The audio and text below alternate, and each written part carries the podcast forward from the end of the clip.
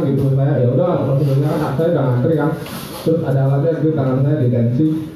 dan mbaknya tuh apa ya ingin berinteraksi dengan uh, pasien gitu kan. Terus tiba-tiba dia melontarkan pertanyaan